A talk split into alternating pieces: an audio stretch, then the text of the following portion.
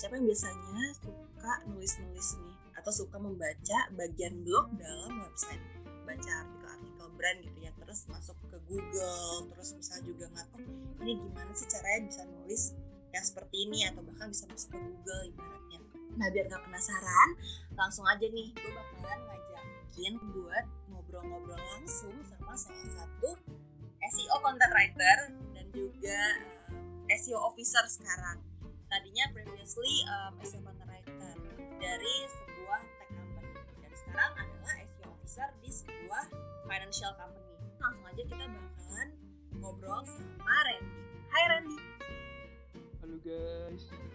Halo halo. Thanks for uh, Halo Sar ya, ya, ya. Thanks banget udah menyempatkan waktu buat ngobrol-ngobrol di Smart Talk Podcast. Nah, uh, boleh ceritain sedikit dong kayak profil lo nih kan? Mungkin pada pengen tahu juga pastinya. Lo tuh sekarang uh, kerja di mana sih sebagai apa dan apa sih yang lagi dikerjain nih sekarang gitu? Makasih nih Sar ya udah diajakin undang diundang ke apa podcast lu nih kan secara lu siapa sih sekarang yang kenal siapa Sarah Sylvia ya kan? Wadaw, grogi banget. Peres gue ya Peres ya. Iya langsung kayak apakah langsung kontak tiga episode berikutnya? Oh udah malam nih. Baru kelar kerja puisan. Bener-bener justru kita penasaran gitu di balik sebuah tulisan-tulisan eh, berbagai tulisan yang ada di beberapa blog website, blog eh, brand banyak banget kan misalnya panjang-panjang terus juga pasti banyak banget yang komprehensif dan segala macamnya. Ada orang-orang yang kayak oh nih Ren yang kayak sampai malam nih masih pusing gitu nulis nulis artikel-artikel itu gitu. Ada orang-orang yang memproduksi tulisan super panjang itu dan pastinya selain panjang helpful juga pasti buat yang baca gitu.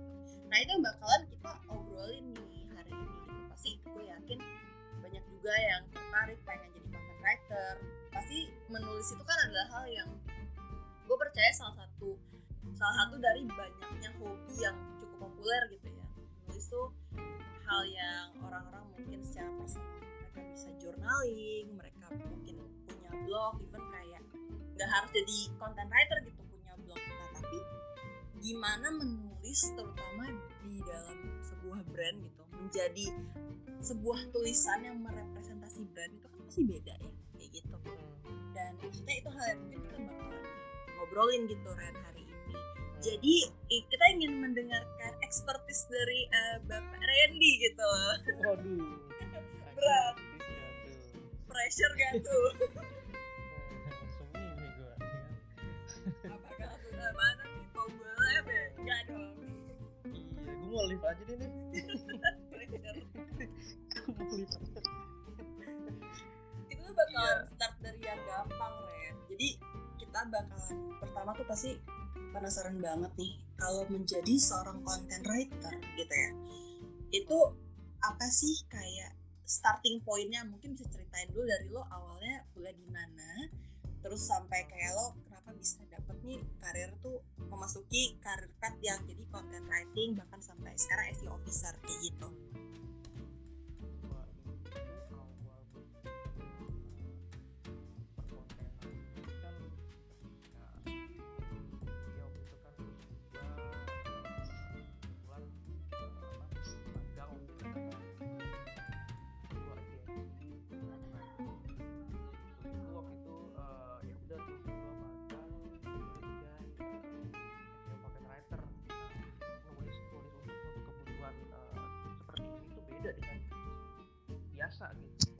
tuh gue tuh sempet kayak gue merasa waktu itu kan oke lah gue doang gimana sih orang cuma doang gitu kan. Ternyata pas gue gue eh si atasan gue tuh kayak enggak kayak gini nulisnya gitu kan kayak Hah? nah itu tuh gue waktu itu awal-awal tuh kayak "Kenapa- emang kayak gitu? Ternyata dikasih tahu kayak enggak soalnya kita kan sekarang nulis eh, berdasarkan keyword gitu kan. Maksudnya dalam satu topik itu ada ada ada keywordnya gitu kan ada keyword yang target gitu. Nah itu yang harus kita nah kadang kan eh, user itu kan nulis keywordnya kan macem-macem lah gitu macem-macem terus eh, kadang nggak sesuai dengan kaidah bahasa yang benar gitu kan. Maksudnya kaidah penulisan yang benar. Itu tuh mindset gue tuh kalau nulis tuh harus eh, apa namanya eh, konsisten gitu. Pakai bahasa maksudnya jangan campur-campur lah masukin bahasa atau gimana gitu lah. Contoh lah misalnya kita lagi tulis tentang artikel tentang kosmetik gitu. tentang lipstick gitu kan. Kalau nulis biasa itu kan ya udah gitu. Ketika lu nulis lipstick pakai bahasa Indonesia ya udah lu nggak boleh nggak boleh terus di tengah-tengah tiba-tiba lipsticknya lu, lu, lu, lu mix gitu sama lipstick bahasa Inggris gitu kan. Karena ya itu kan lu mindsetnya waktu itu gitu. Karena karena kalau untuk penulisan yang bener kan kayak gitu kan. Harus konsisten gitu. Nah ternyata untuk penulisan uh, SEO itu nggak kayak gitu gitu. Sometimes lu harus uh, harus mix kata-kata itu karena uh, itu tadi ternyata setelah dilihat keywordnya tuh user tuh lebih banyak nulis uh, lipstick terbaik misalnya. Tapi lipsticknya itu dia pakai bahasa Inggris gitu. L I P S T I C K gitu. Di dalam konten lu itu ya lu nulisnya lipsticknya pakai bahasa Inggris.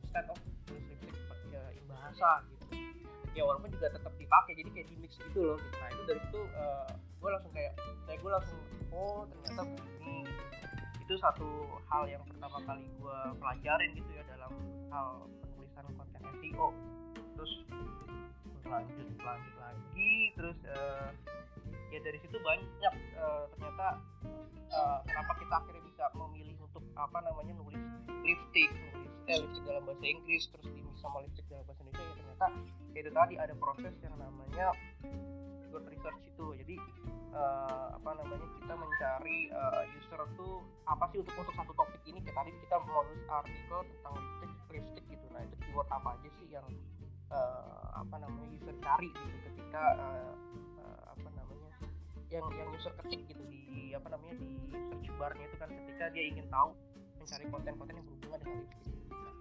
dari situ dari situ deh gua tuh uh, apa namanya yaitu tahu tentang ya keyword research itu. Jadi kan uh, intinya ya itu sih. Ketika lu pengen nulis satu konten SEO itu uh, yang pertama itu itu tadi keyword research gitu kan. Sebelumnya kayak ini sih kayak nentuin topiknya dulu sih. Nah untuk nentuin topiknya itu sendiri pun ada prosesnya lagi gitu. Kayak lo harus cari tahu nih kan nggak mungkin lo asal tulis aja gitu kan. Oke hari ini gue pengen nulis tentang lipstick gitu. Nggak mungkin lo langsung gitu kan. Karena objektif kita ya kita harus cari uh, kita harus nulis konten yang uh, apa namanya orang cari gitu yang orang tuh lagi banyak cari apa sih gitu. Jadi sebelum nonton topik pun kita harus tahu nih ada yang lagi yang lagi pengen user tahu itu apa sih gitu. Nah, itu ada lagi prosesnya kita ya kalau kayak gue sih sebenarnya banyak ya uh, apa namanya caranya gitu. Tapi kalau gue sih mostly biasanya gue pakai Google Trends gitu. Kalau lu tahu tuh kan ada tuh. Jadi uh, dari situ tuh kayak tahu nih uh, pencarian apa sih yang lagi topik apa sih yang lagi banyak dicari orang gitu. Selain lu ngelihat ya hmm, apa bisa bisa jadi lu ngeliat berita atau ngeliat medsos gitu kan. Kan dari situ kan kita juga bisa tahu tuh apa aja yang gitu kan terus ya, ya gue tuh juga itu ngeliat dari itu nah, dari situ nanti gue kan tahu oke okay, topik apa sih yang lagi apa namanya lagi happening? Gitu let's say uh, kalau gue dulu kan magang itu kan uh, kebetulan artikel yang gue bikin itu kan artikel general ya. Jadi topiknya beragam gitu nggak uh, nggak cuma dalam satu topik topik gitu. Kayak gue bahas tentang otomotif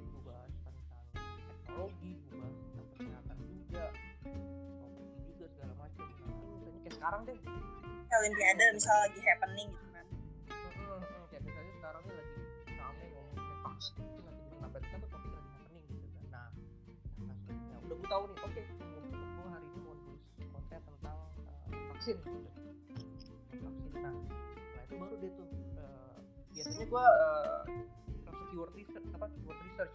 Nah cuman pas riset keywordnya itu gue caranya macam-macam kan jadi pakai tools gitu macam-macam gitu kan kayak kalau gue sih pakai Ahrefs biasanya gitu kan buat nyari tempat.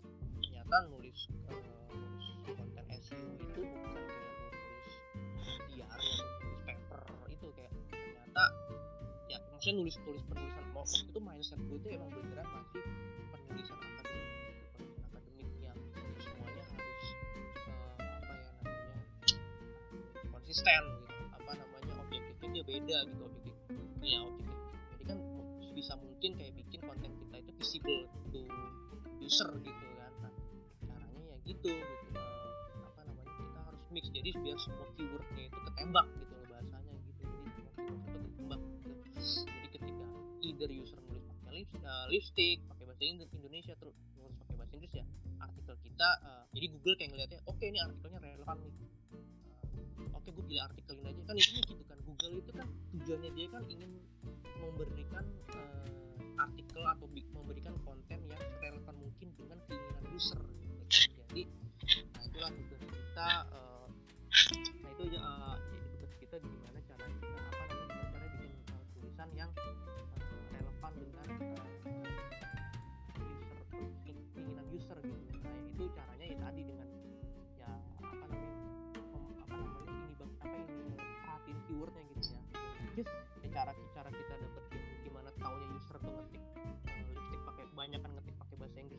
uh, daripada bahasa Indonesia ya tadi pakai tools gitu tools. Itu kan ada macam-macam nah, ada yang ada yang gratis gitu kan kayak apa Google Suggest atau misalnya Google apa Google Keyword Planner gitu kan.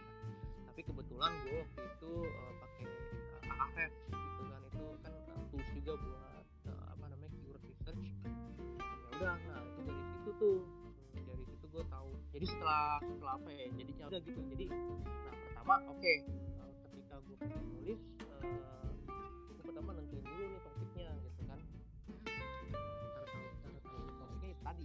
Ya kebetulan karena waktu itu gue nulis artikel di general topiknya gitu. Maksudnya various topics lah nggak cuman kayak ngomongin satu topik ngomongin otomotif ngomongin kesehatan ngomongin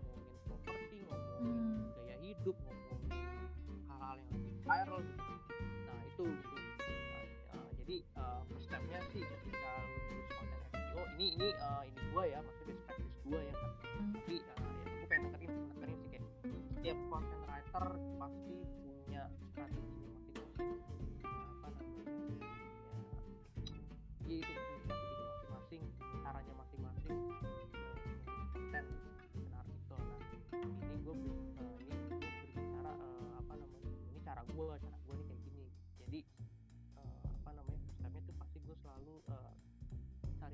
uh, itu itu ada banyak cara lagi. Jadi jadi jadi ketika nentu, nentuin topik konten pun uh, gue akan uh, menggunakan berbagai macam cara gitu. Entah uh, itu pakai uh, entah lihat dari medsos dari berita atau ya pakai toolsnya dari Google itu yang Google Trends itu itu dari situ juga apa namanya ngebantu banget sih buat gue cari tahu apa sih yang mau ditulis. Udah tuh setelah itu kelihatan kan misalnya oke okay, ternyata hari ini yang lagi yang topiknya lagi happening itu lagi ngomongin vaksin loh. Wah, vaksin baru nih masuk Indo nih. Nah, terus uh, ya udah oke okay, dari itu gue langsung kayak oke okay, berarti hari ini gue akan bikin konten artikel uh, bikin artikel tentang vaksin. Nah tapi kan vaksin apa dulu nih? Gitu kan itu kan kalau kita cuma ngomongin vaksin kan itu kan kayak ya udah general terlalu apa ya, terlalu general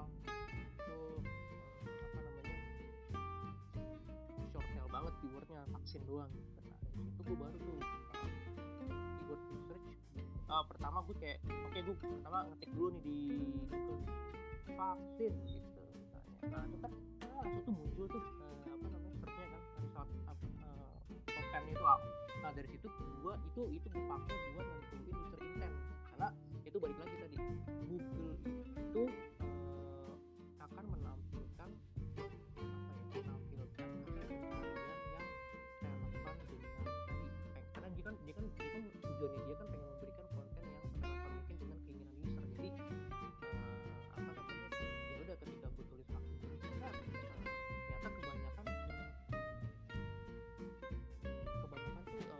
top 3 nya lah minimal gitu sampai apa artikel di ranking satu dua tiga tuh ternyata ngomongin uh, namanya syarat-syarat vaksin misalnya gitu.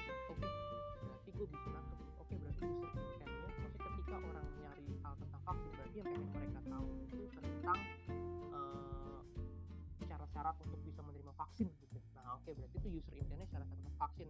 Nah itu kan berarti kan udah itu kan udah udah ketahuan kan kira-kira nih uh, kemungkinan besar user intentnya ngarahnya ke situ. Berarti orang tuh nah oke berarti gue udah tahu nih oke berarti angle gue ketika bikin artikel gue akan nulis tentang syarat-syarat vaksin gitu.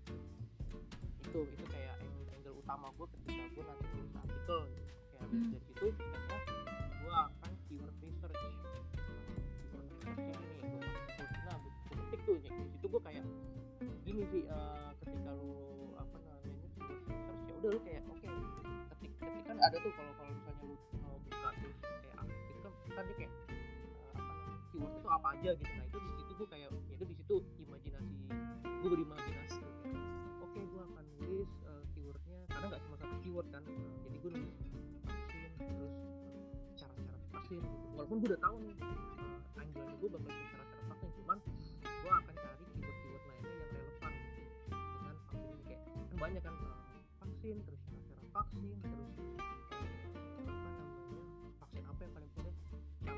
divaksin gitu. Apa efek samping vaksin gitu. Nah itu juga gue ketik tuh di itunya nah udah kan habis itu langsung tuh gue klik search. Nanti kan si tools itu bakal nampilin tuh nampilin kayak keyword-keyword keyword utamanya tadi vaksin syarat vaksin dan keyword-keyword yang relevan ya tadi itu kayak vaksin terus uh, apa namanya manfaat vaksin kayak gitu itu beserta volume-nya nah itu penting tuh. Uh, oh ternyata emang lagi tinggi kan karena tadi ya udah kita juga udah tahu kalau emang gue lihat dulu nih. Oke okay, volume tinggi apa oke lah nih? Gitu terus tapi dari situ lagi nih competitionnya gimana nih? Jadi uh, ini sih gue juga kayak kasih tahu juga gitu ya sama dua gue terus sharing sama teman-teman gue lainnya yang expert lebih expert lah gitu karena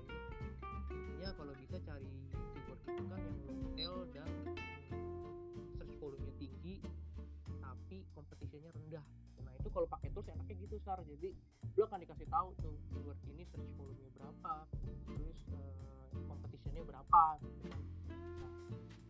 Oh ternyata kompetisinya rendah nih easy gitu kan. Tulisannya gitu biasa tuh kalau di akhir oke okay, berarti uh, kesempatan kita buat naik ini top itu insya Allah tinggi lah. Mudah-mudahan tinggi lah. Apa besar lah kemungkinannya buat itu. Oke okay, jadi udah berarti gue udah tahu nih nulis artikelnya gimana terus uh, keyword apa aja yang bakal gue masukin di artikel gue angle artikel seperti apa udah itu udah, udah tahu nih gue ya udah dari itu langsung dia tuh gue mulai bikin outline-nya. Misalnya apa ya outline buat artikelnya gitu. Oh ya gue juga pengen ngasih tahu sih kenapa kita harus uh, apa ketika keyword kita kita jangan cuma nyari satu keyword gitu. Oke tadi kenapa ada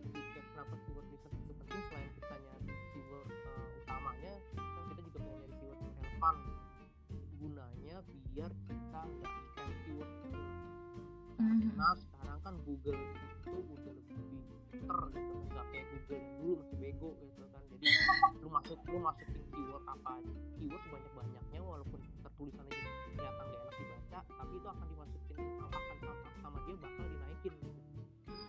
Kalau sekarang karena Google udah makin pinter jadi dia tuh udah nggak udah, udah, udah ngerti nih wah anjing spam lu gitu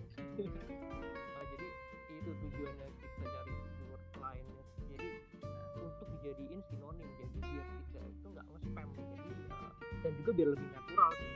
Biar lebih jadi artikel kita nggak kelihatan banget kelihatan berpengaruh keyword tuh di sini gitu kan. Itu pentingnya kita cari keyword cari banyak ya keyword itu dalam bentuk uh, ini ya frasa kayak gitu gitu kan nah itu tujuannya itu buat tujuannya itu sih biar biar kita nggak nggak keyword spamming gitu terus ya udah tuh udah udah gue udah tahu keyword apa segala macem tinggal gue bikin outline-nya. Outline-nya tadi ya gue itu biasanya gue ngeliat kompetitor juga sih itu penting juga tuh. Uh, jadi dalam hal nulis konten SEO kita juga harus ngelakuin yang namanya analisis kompetitor gitu. Jadi kita lihat kompetitor okay, gue udah lihat ya uh, biasanya gue itu cuman ngeliat oke okay, dari dari top 10 itu top 10 di apa search resultnya itu gue biasanya ngambil di maksimal 5 lah 5 5 besar lah itu yang biasanya gue jadi yang gue lihat ya, kontennya mereka tuh apa sih gitu. Nah tapi uh, apa namanya ya udah tuh dari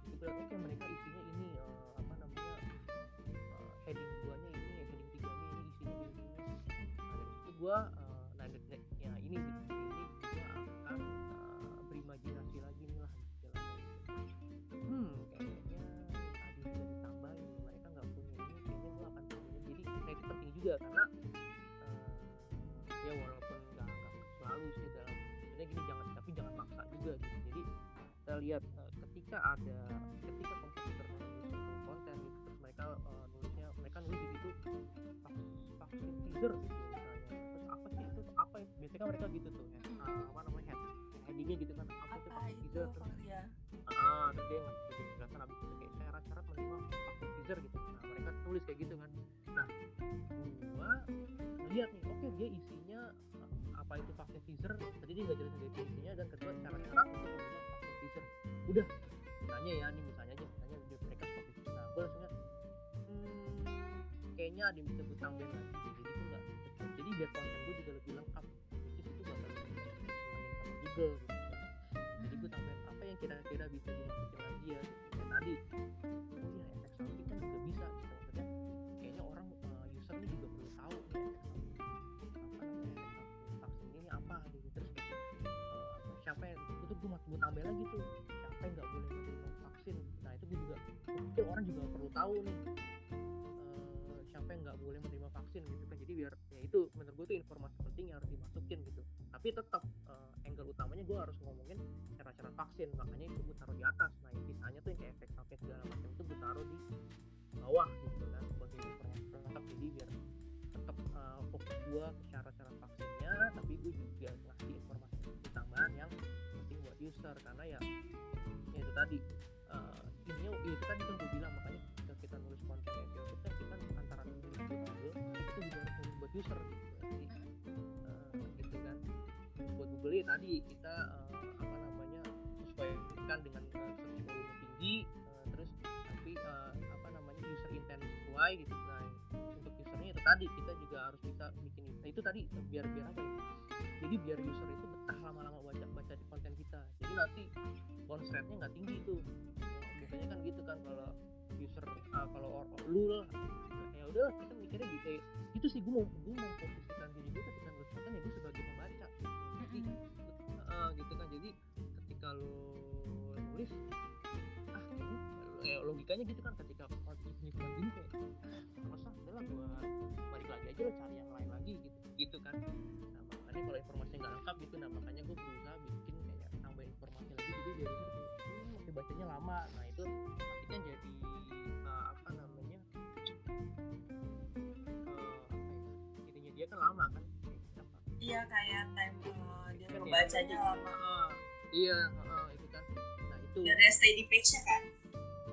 Iya uh, jadi hmm. ya itu kan nanti juga bagus. Nah itu dari nanti itu jadi jadi jadi jadi masukan juga buat Google ke depannya. Oke berarti iya ah kan kan dia bacanya lama nih. Nggak nggak nggak sebentar nggak sebentar langsung keluar lagi. Gitu nah itu kan hal yang mau eh, itu itu eh, dari segi SEO itu yang harus harus situ gitu Nah. itu juga bagus jadi bisa meningkatkan peringkat SEO kita bisa meningkatkan traffic juga gitu sih Hmm, I see. Berarti kalau misalnya bisa di sum up nih Ren, kita misalnya posisiin yang awam banget sama SEO itu kita bisa um, sum up flow-nya jadi sesimpel mungkin itu berarti first step-nya apa Ren tadi? uh, ya tadi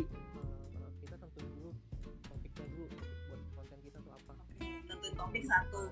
Uh-uh. Mm-mm. Terus yang kedua, yang kedua itu ya langsung lu uh, pinter keyword topik itu tuh keyword apa yang memungkinkan untuk dimasukin gitu keyword utama dan keyword yang uh, turunannya gitu lah hmm, keyword research. Mm-mm. Yang ketiga, yang ketiga tadi apa namanya eh, itu tadi buat informasi yang jelas bener sih belum selesai sih gue masih masih banyak lagi ininya gitu. Eh, intinya gitu itu tadi kayak itu sebenarnya kayak masih step awal gitu. Sih. Eh, jadi itu tadi eh, pertama tadi eh, nentuin topik terus kedua riset keyword setelah itu nentuin outline-nya kita mau bahas apanya. Nah untuk untuk menentukan outline dari artikel kita isinya itu ya kita cari eh, apa analisis kompetitor kita lihat kompetitor itu nulisnya apa aja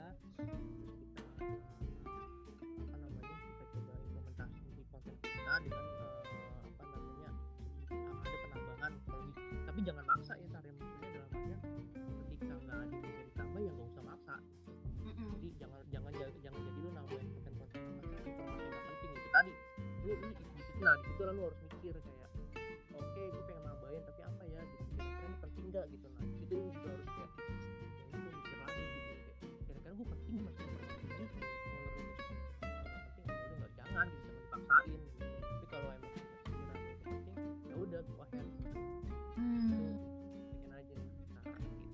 dalam segi itu sampai itu sampai buat di tahap outline ya. Gitu.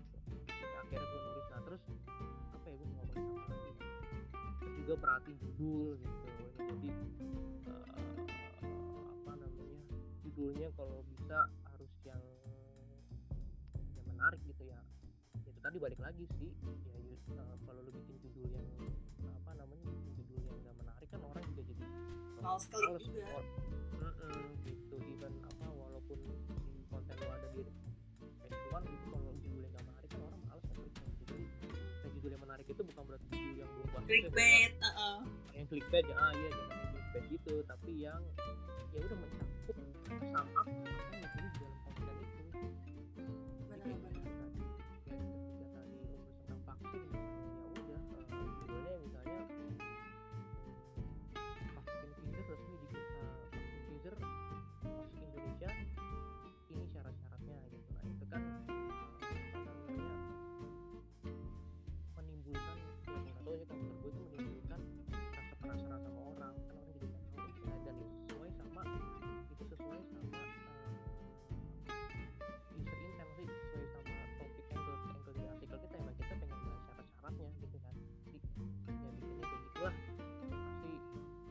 itu emang emang itu perlu kayak semacam itu juga sih mikir juga sih itu itu mikirnya gitu bikin judulnya itu gitu Bukan lu bikin judul bikin orang tertarik buat ngeklik tapi juga jangan jangan jangan klik gitu Benar.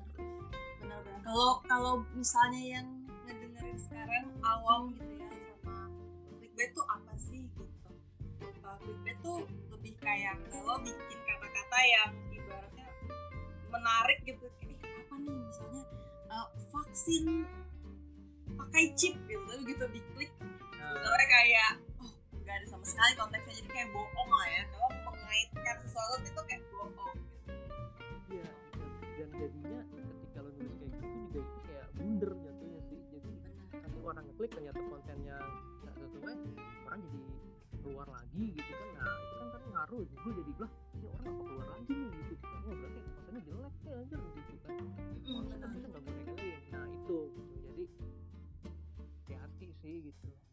mungkin mungkin dulu relevan ya kayak gitu ya ketika Google-nya masih belum. Tapi kan sekarang ya tadi Google itu udah pinter jadi dia udah nggak bisa dibohongin lah udah nggak bisa diinin lah. Ya itu sih. Terus ya biasanya gue gitu sar terus ya apa ya terus ya penulisan juga. Jangan jangan apa ya. Ya walaupun informasi lengkap tapi jangan bertele-tele lah gitu kayak. Kalau gue sih eh, best, practice gue gitu paragraf gue nggak akan gemuk-gemuk. Ini ini eh, ini ya apa namanya practice gitu gue nggak akan bikin paragraf yang gemuk-gemuk karena ini eh, balik lagi gitu. Kalau kalau ya maksudnya sekarang kan orang lebih banyak eh, blog segala macam. Itu kan dari HP dari apa namanya dari, dari HP dari HP dari tablet segala macam. Nah, eh, in case ukuran layar kan itu lebih kecil daripada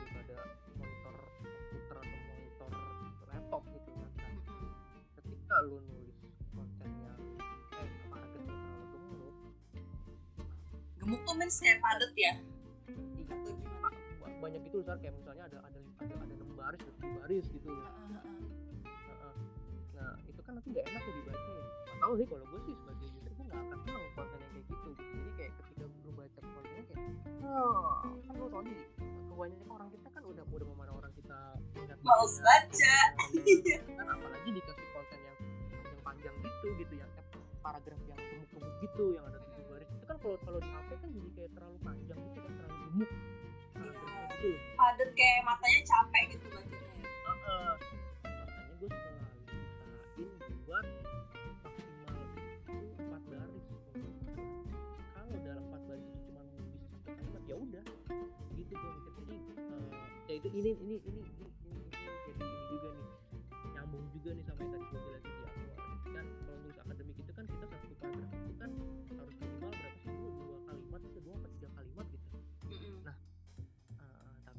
dia nggak peduli kan mau gemuk yang penting satu paragraf itu aturannya harus ada tiga kalimat gitu misalnya. Nah cuman kalau lu nulis konten untuk untuk untuk, untuk apa untuk di blog segala macam itu ya nggak bisa gitu. Kalau kira-kira satu kalimat dalam satu kalimat itu ternyata udah bisa sampai garis ya udah kalimat keduanya lu, lu masukin di paragraf selanjutnya. Kalau ada tiga kalimat cuma buat tiga baris ya udah lu bisa akhirnya paragrafnya cuma jadi tiga empat baris ya udah nggak apa-apa. Intinya sih intinya intinya si barisnya itu si baris paragrafnya itu gue sih selalu uh, apa namanya usahain buat nggak lebih dari empat baris jadi ketika orang nanti baca di HP atau di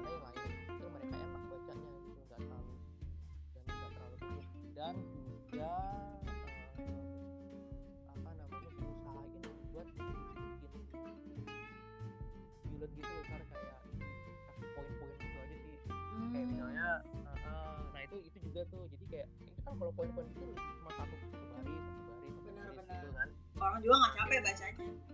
Uh, kayak syarat syarat vaksin. Uh, bisa kalau kalau yang nggak ngerti kan bisa nih syarat-syarat vaksin adalah uh, berusia 18 tahun ke atas koma memiliki KTP di Jakarta koma. Nah ah iya ya kayak gitu. ke samping gitu bacanya capek banget ya. Nah, itu j- ya, iya gitu tuh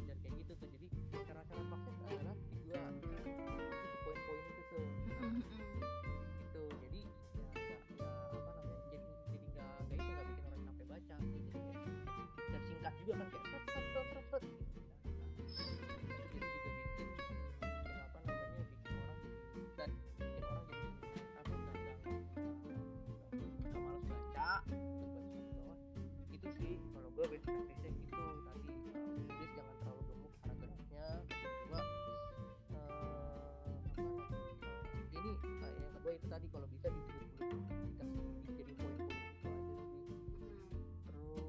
Terus apa lagi ya? Terus juga biasanya kalau nulis konten awalnya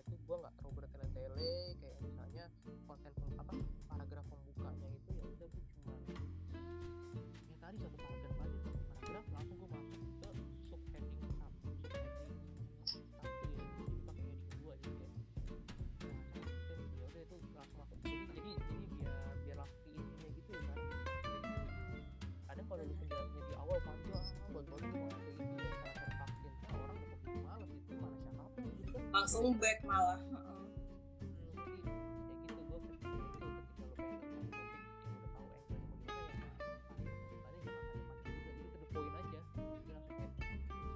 eh, vaksin Pfizer udah hadir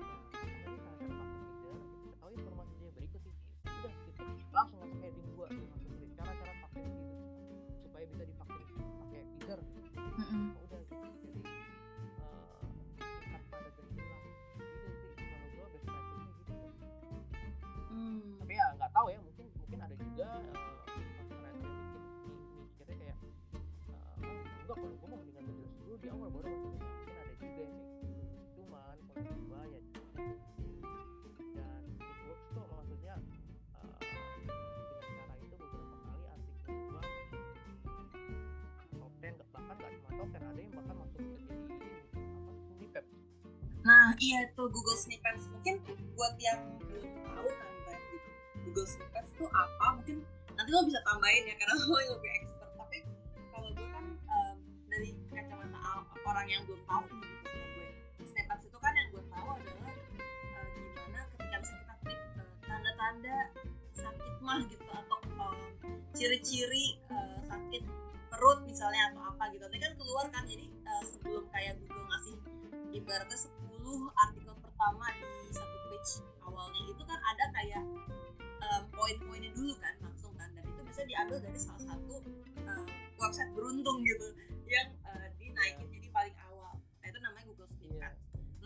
gue tahu kan waktu itu eh, maksud gue tahu nih lo pernah beberapa kali ibaratnya yang kita dulu mention juga bikin artikel dan ibaratnya masuk ke Google Snippet jadi ibaratnya bikin brand yang lagi lo pegang tuh keangkat juga gitu di page one Google which is itu apa namanya goals yang pengen diambil yang pengen di achieve oleh pastinya SEO and content writing specialist kayak gitu. Nah itu lo boleh nggak sih jelasin gitu ibaratnya kayak bongkar rahasia lah sama um, teman-teman pendengar Smart Talk gitu. Kayak gimana sih waktu itu artikel bisa masuk ke Google Snippet? Mungkin lo boleh jelasin dulu nih uh, versi lo Google Snippet tuh apa ke pendengar Smart Talk? Dan kira-kira artikel apa sih waktu itu yang masuk? Dan ibaratnya gimana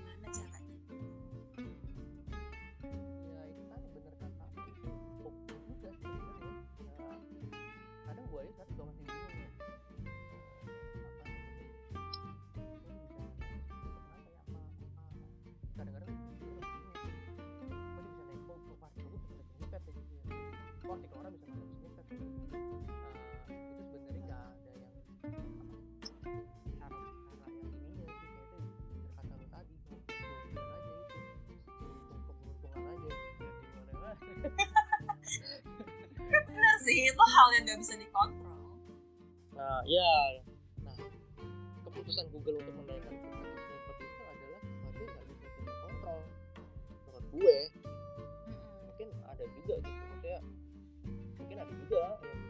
tahu caranya gitu. Cuman kalau gue sih uh, so far sih gue kayak masih belum tahu gimana sih. Jadi gue masih menganggap itu satu keberuntungan aja gitu. Tapi ya tadi kan gak ada yang bisa yang nggak bisa dikontrol sih gue cuman ada yang bisa gue kontrol tapi itu nggak jadi jaminan cuman mungkin akan lebih meningkatkan peluang. Gitu. Jadi ya itu sar. Balik lagi eh, dari dari yang best practice gue terus dari gue juga dikasih gue gitu atasan gue atau temen gue yang memang kayak lebih expert gitu. Ya itu tadi. Nulis nulis karena kan lu lu perhatiin deh mostly artikel yang masuk snippet itu kan bentuknya poin-poin gitu kan. Listicle.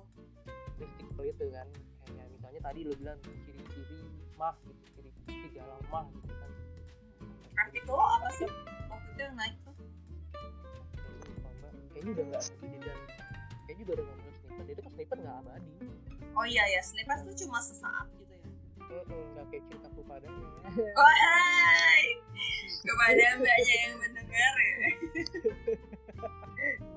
Nggak kayak eh, itu tadi emang nggak abadi kadang ya ya itu tadi bisa turun gitu. Mungkin karena karena karena kompositor ada yang bisa lebih lengkap lagi atau ya. Tau lah itu tadi nggak ngerti lah dia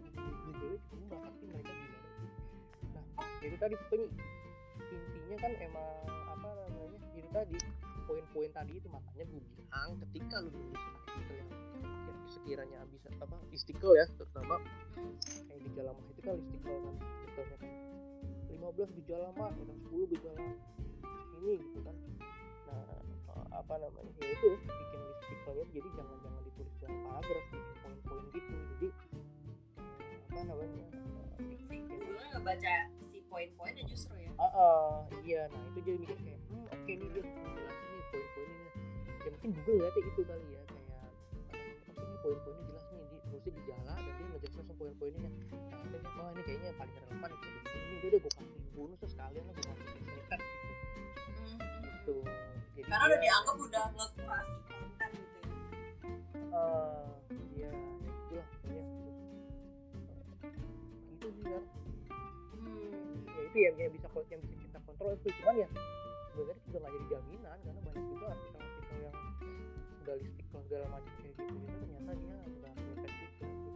Itu ya tadi bener ya hoki-hokian itu. Gitu sih. Mungkin hoki-hokian dan kata kunci juga kali ya. Maksudnya saat listicle itu punya wordings atau keyword yang memang um, paling banyak dicari Hmm, paling sesuai sama konteks dari misalnya sakit perut sebelah kanan waktu kan lo kok nggak salah di health tech kan saat lo Hmm, masuk snippet itu. Jadi kan beberapa artikel lo kan pasti eh, mostly itu lebih tentang kayak penyakit misalnya. Ketika misal gue kayak sakit perut sebelah kanan misalnya.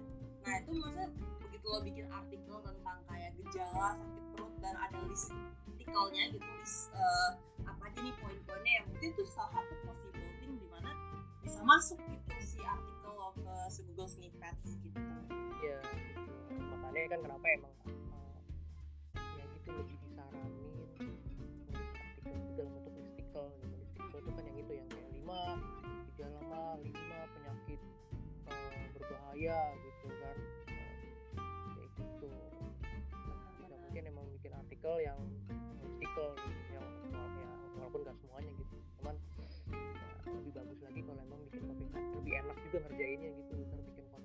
gue gue nggak tau gue emang senangnya gue paling seneng tuh kalau harus nulis artikel yang mystical mystical gitu. Instead of bikin artikel yang long form panjang gitu ya? ah uh, iya paling males tuh kalau dulu kalau gue di HP gitu kan uh, paling males tuh gue kalau udah suruh nulis yang penyakit doang kayak kanker gitu. Kan enggak tapi kalau gue seneng tuh kayak lima gejala uh, mah lima gejala apa namanya ya kayak gitu-gitu. Itu tuh gue paling seneng tuh. Karena buat gue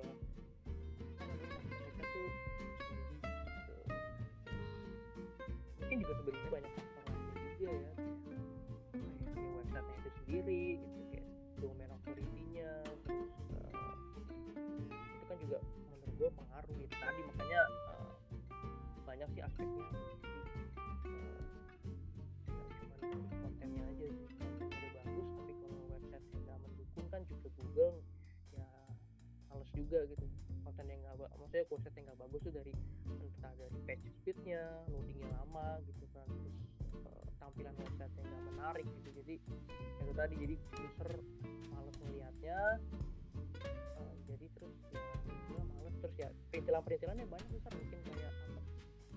Ya itu itu itu lebih kayak SEO teknikalnya sih kalau kayak gitu. Sih. I see. Nah kalau Nah, ini kan kita misalnya kan begitu bicara dari segi konten ya udah kita ngomonginnya ya tadi itu. Kalau dari segi kontennya sih ya caranya begini begini begini Oke. Terus kalau misalnya ngomongin soal matrix nih, Ren, pasti kan semua kerjaan ada KPI ya kan, ada matriksnya. Nah, kepo sih kalau misalnya untuk content writing gitu. Dan I don't know kayak sisi content writing aja atau mungkin nanti di SEO juga, lo uh, bisa sharing gak sih hmm, ya beda-beda kantor sih sir maksudnya ya kalau gue sih dulu eh maksudnya yang pasti yang terutama itu traffic sih. Hmm. traffic gitu terus eh, apa namanya kira-kira nih trafficnya bagus nggak nih kita?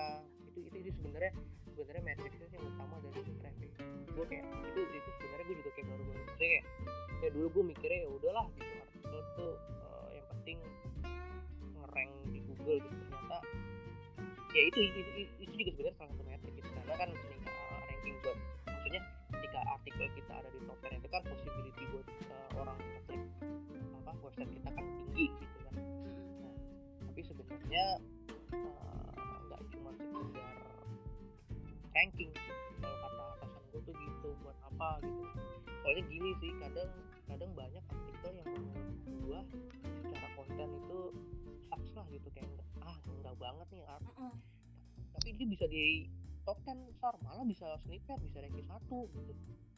Nah itu itu itu itu itu, itu, nah, itu, itu makanya misterinya Google tuh itu ngeselinnya Google tuh itu kayak kadang dia masukin konten-konten yang eh, apa namanya eh konsep-konsep yang secara konten tuh ternyata jelek gitu. Gua gua eh, apa namanya ahad say gitu sih. Kayak gua harus harus bilang ya kontennya mereka nggak nggak banget lah gitu. Gua jadi top gua jadi gua jadi ranking satu gua jadi snippet gitu. Tapi- mereka bisa gitu ya itu tadi eh, apa namanya ya gue nggak tahu ya itu tadi mungkin karena ada faktor lain kayak domain authority-nya brand brand awareness-nya dia udah bagus banget gitu. jadi kadang Google kan juga ngeliat gitu brand awareness-nya bagus terus domain authority-nya juga tinggi ya udah gue masukin deh dia nggak ngeliat tuh kontennya bener apa lengkap apa enggak yang penting judulnya sesuai user intent gitu udah gitu doang gitu. Sedangkan kita yang lebih lengkap lebih bagus secara struktur penulisan segala macam malah kalah gitu kan ya. Karena tadi mungkin kita kalah di branding kalah kalah di apa namanya ya itu domain authority segala macam gitu sih. Nah makanya atasan gue tuh bilang ya itu kalau masalah ranking gitu oke itu juga masuk metrik cuman yang penting gimana caranya dapat traffic dalam ya trafficnya itu dalam arti ya banyak yang datang ke kita dan nggak cepet-cepet keluar gitu sih nggak cepet-cepet. Jadi bounce rate itu tuh nggak nggak tinggi gitu sih. Ya dia dibilang itu makanya objektif gue sekarang jadi kalau nulis konten ya gimana cara biar bikin orang betah lama-lama baca artikel gue oh iya tadi eh, selain selain itu ini gue mau balik sebentar jangan lupa juga eh, masukin link internal link sih. Internal link Hmm. juga tuh. Jadi ya itu tadi biar biar biar biar sessionnya tinggi jadi biar orang juga juga nggak jadi biar dia lama gitu lama di website kita. Kan karena ketika dia ngerti internal link dia nanti ke artikel kita yang lain gitu kan. Makanya lu kalau kalau bikin artikel kan pasti ada baca juga apa gitu ya. Iya benar-benar Eh, dan itu juga harus berkaitan sama artikel yang kita bikin. Kayak misalnya lu tadi ada artikel gejala mah gitu. Nah lu harus eh, bikin apa internal linknya harus ke artikel yang berkaitan. Misalnya penyebab mah gitu. Kan udah terus gejala mahnya. Lalu bikin konten juga penyebab mahnya. Terus eh, masukin nanti di artikel yang gejala mah tadi. Jadi biar berkaitan itu itu juga kebangun ini loh. Maksudnya itu juga ningkatin performance lu di di mata Google gitu kayak oh ini artikelnya saling berkaitan nih bagus nih apa namanya eh, dia rankingnya bagus nih nyambung artikelnya satu, satu, artikel dengan artikel yang lainnya ternyata nyambung topiknya. Gitu. itu ngaruh buat ngaruh ngaruh buat meningkat itu sih memper- memperbaiki citra kita di mata Google lah gitu.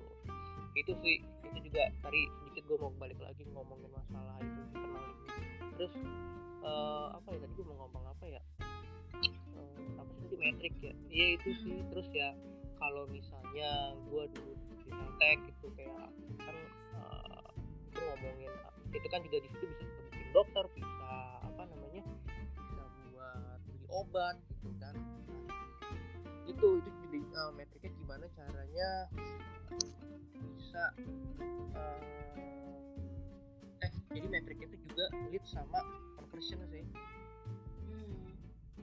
Jadi gimana dari artikel kita itu nanti eh, bisa memberikan kontribusi terhadap peningkatan leads dalam artian banyak yang akhirnya sign up ke aplikasi gue itu terus udah eh, apa namanya dan dia bertransaksi di situ dokter atau beli obat itu juga sih jadi itu jadi juga sih Hmm. Gitu. Hmm. sama di kantor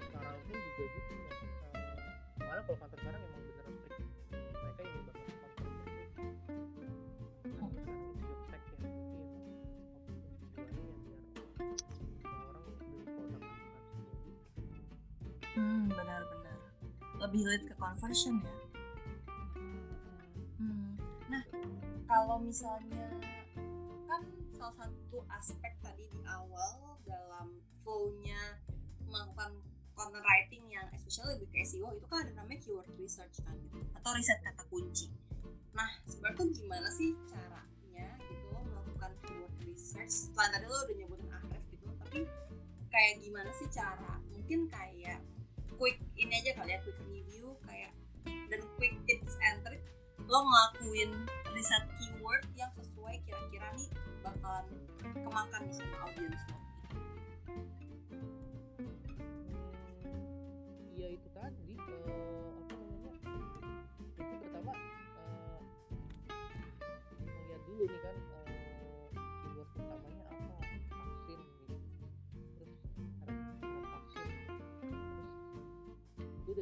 kayak ya udah gue mikir aja orang ketik apa lagi ya itu sih itu, itu kayak lu di situ mikir juga sih nggak bisa kayak sebenarnya juga kan soalnya dia stepnya gitu kan lu harus harus ngetik dulu nih keyword yang kira-kira ada di kepala lu tuh apa aja sih gitu.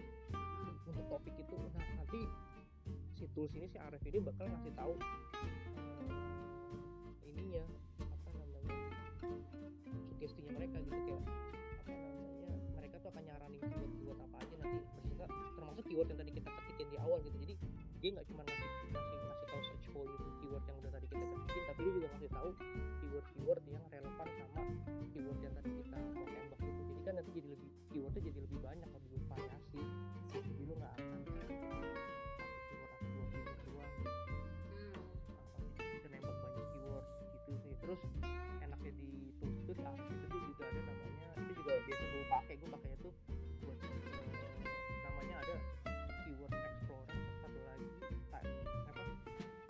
explorer nah itu gue dari situ bisa ngeliat nih eh, itu biasa gue jadi referensi aja sih kayak eh, atau enggak gue lagi mentok apa lagi ngomongin apa keyword kira-kira apa lagi? Nah itu jadi di type explorer itu nanti eh, lu masukin aja tuh URL si kompetitor kayak kompetitor yang ada di ranking 1, 2, 3 gue masukin aja tuh. Nah nanti di situ dikeliatin tuh eh, si, si artikel ini ngerank buat keyword apa aja sih gitu. Nah nanti kan itu bisa ketahuan oh ternyata si kompetitor nih dia nembak keyword aku masukin keyword ini, ini juga. Itu nanti keyword keyword itu bisa gue pakai juga gitu. Jadi gue buat nambahin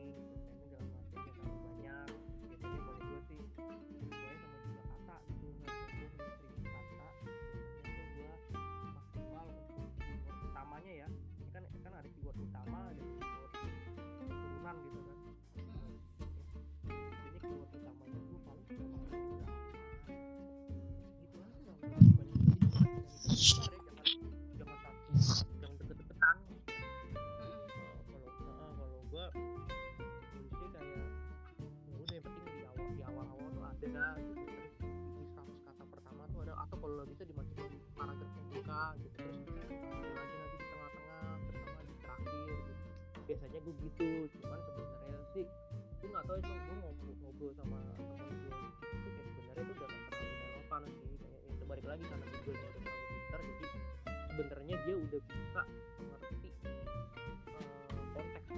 Jadi ketika lo gejala mah sebenarnya ketika lo nulis ciri-ciri mah Google juga ngerti itu sebagai satu hal yang sama. Kalau dulu kan kalau kalau keyword gejala mah yang paling tinggi ya lo bener-bener nulis gejala mah gitu. Literally kata-katanya itu gitu ya. Hal saya benar-benar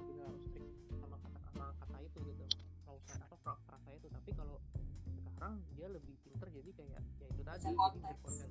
Heeh, bisa baca konteks jadi lu nggak perlu jadi lu ya itu tadi makanya eh, itu buat sinonim. Jadi sebenarnya nggak apa namanya nggak mas spamming ya tapi Google tetap ngerti kok. Oh oke ini maksudnya ngomongin gejala juga kok ciri-ciri sama gejala kayak sama. Oke last but not least. Terakhir nih Ran buat yang pengen banget mulai karir sebagai content writing atau mereka mungkin suka nulis tapi belum tahu nih gimana secara mulai karir di bidang ini lo ada tips sih buat kayak apa aja sih yang harus ditampilin dalam portofolio mereka? Atau mungkin um, spesifik website yang mereka perlu enhance nih biar kira-kira bisa jadi content writer untuk sebuah brand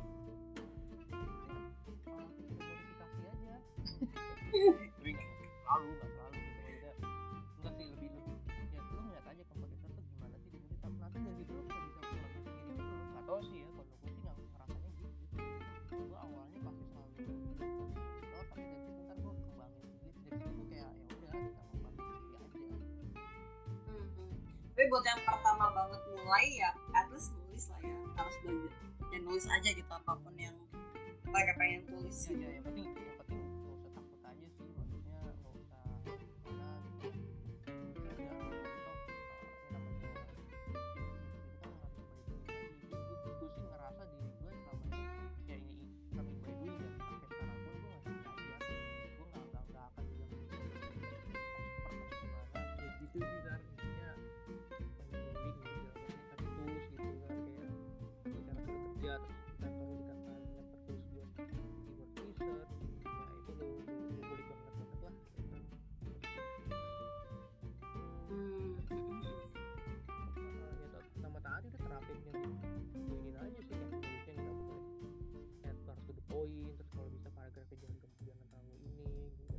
tuh. ya pilih kata-katanya eh, dan sesuai juga kata-katanya sama website yang yang project lu nanti gitu. Jadi, eh, ketika website lu misalnya kayak apalah yang kalau kayak gue dulu di Haltech itu kan topiknya serius gitu kan jadi gue milih pemilihan kata-katanya juga. Eh, yang nggak bisa yang tapi kamu nggak nggak nggak pakai kata nggak boleh kayak gitu gitu tapi ini lo gejala gue nggak kayak gitu sih kayak kata-katanya agak agak baku gitu Hmm. Hmm, hmm, cenderung baku malah karena emang eh, apa namanya stylenya dia gitu karena dia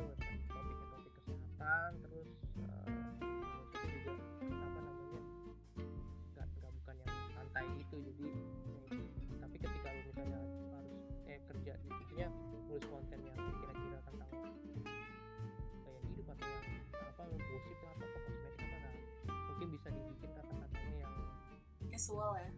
Uh, lebih casual bener kayak gitu. Sesuaiin aja sama ininya sih sama apa namanya project projectnya itu. Hmm. nice. Gila keren banget ya ini um, sharing-sharing content writing 101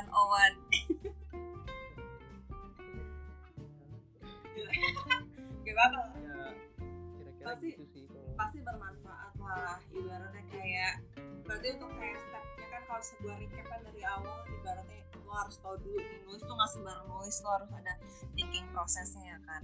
Terus kayak dari sisi lo harus tahu uh, objektif atau topik ini apa sih yang mau lo omongin.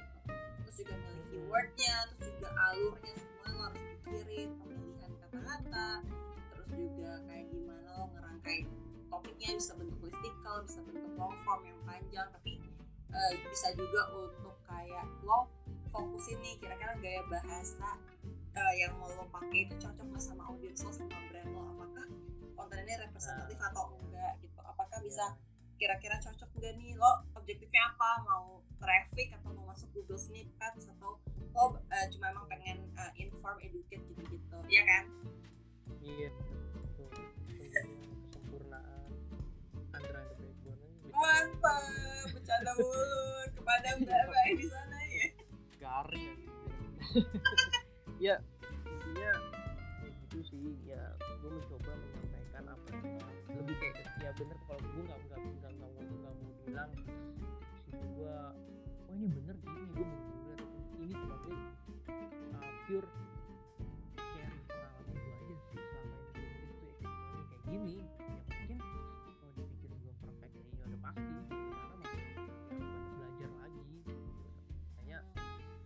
ya udah gitu ya.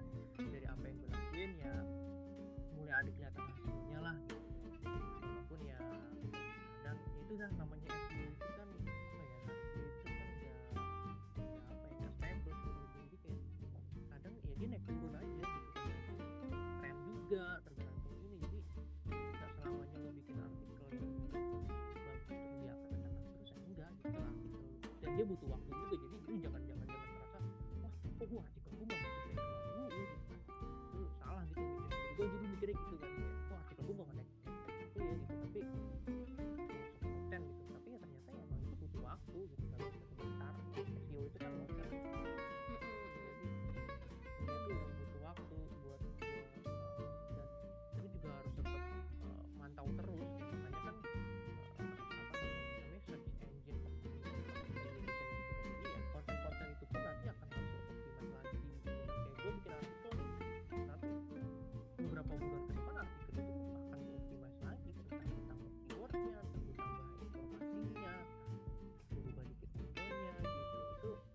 dinamis sih itu karena emang kebutuhannya kan selalu berubah-ubah gitu kan. Jadi ya jadi content writer kan tugasnya nggak hanya bikin artikel baru tapi dia juga optimize optimize artikel yang udah exist gitu kan yang udah publish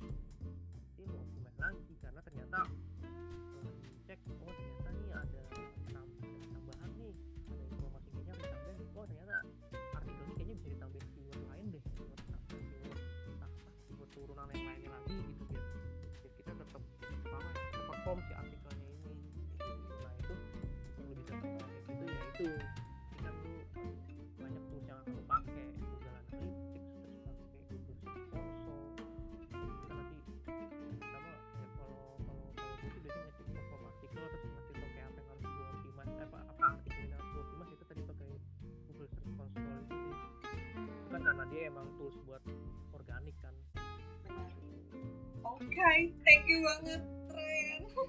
thank you banget udah sharing-sharing di Sparkle Podcast dan thank you banget buat teman-teman yang udah dengerin sampai ini. Semoga bisa ketemu di episode berikutnya. Bye bye.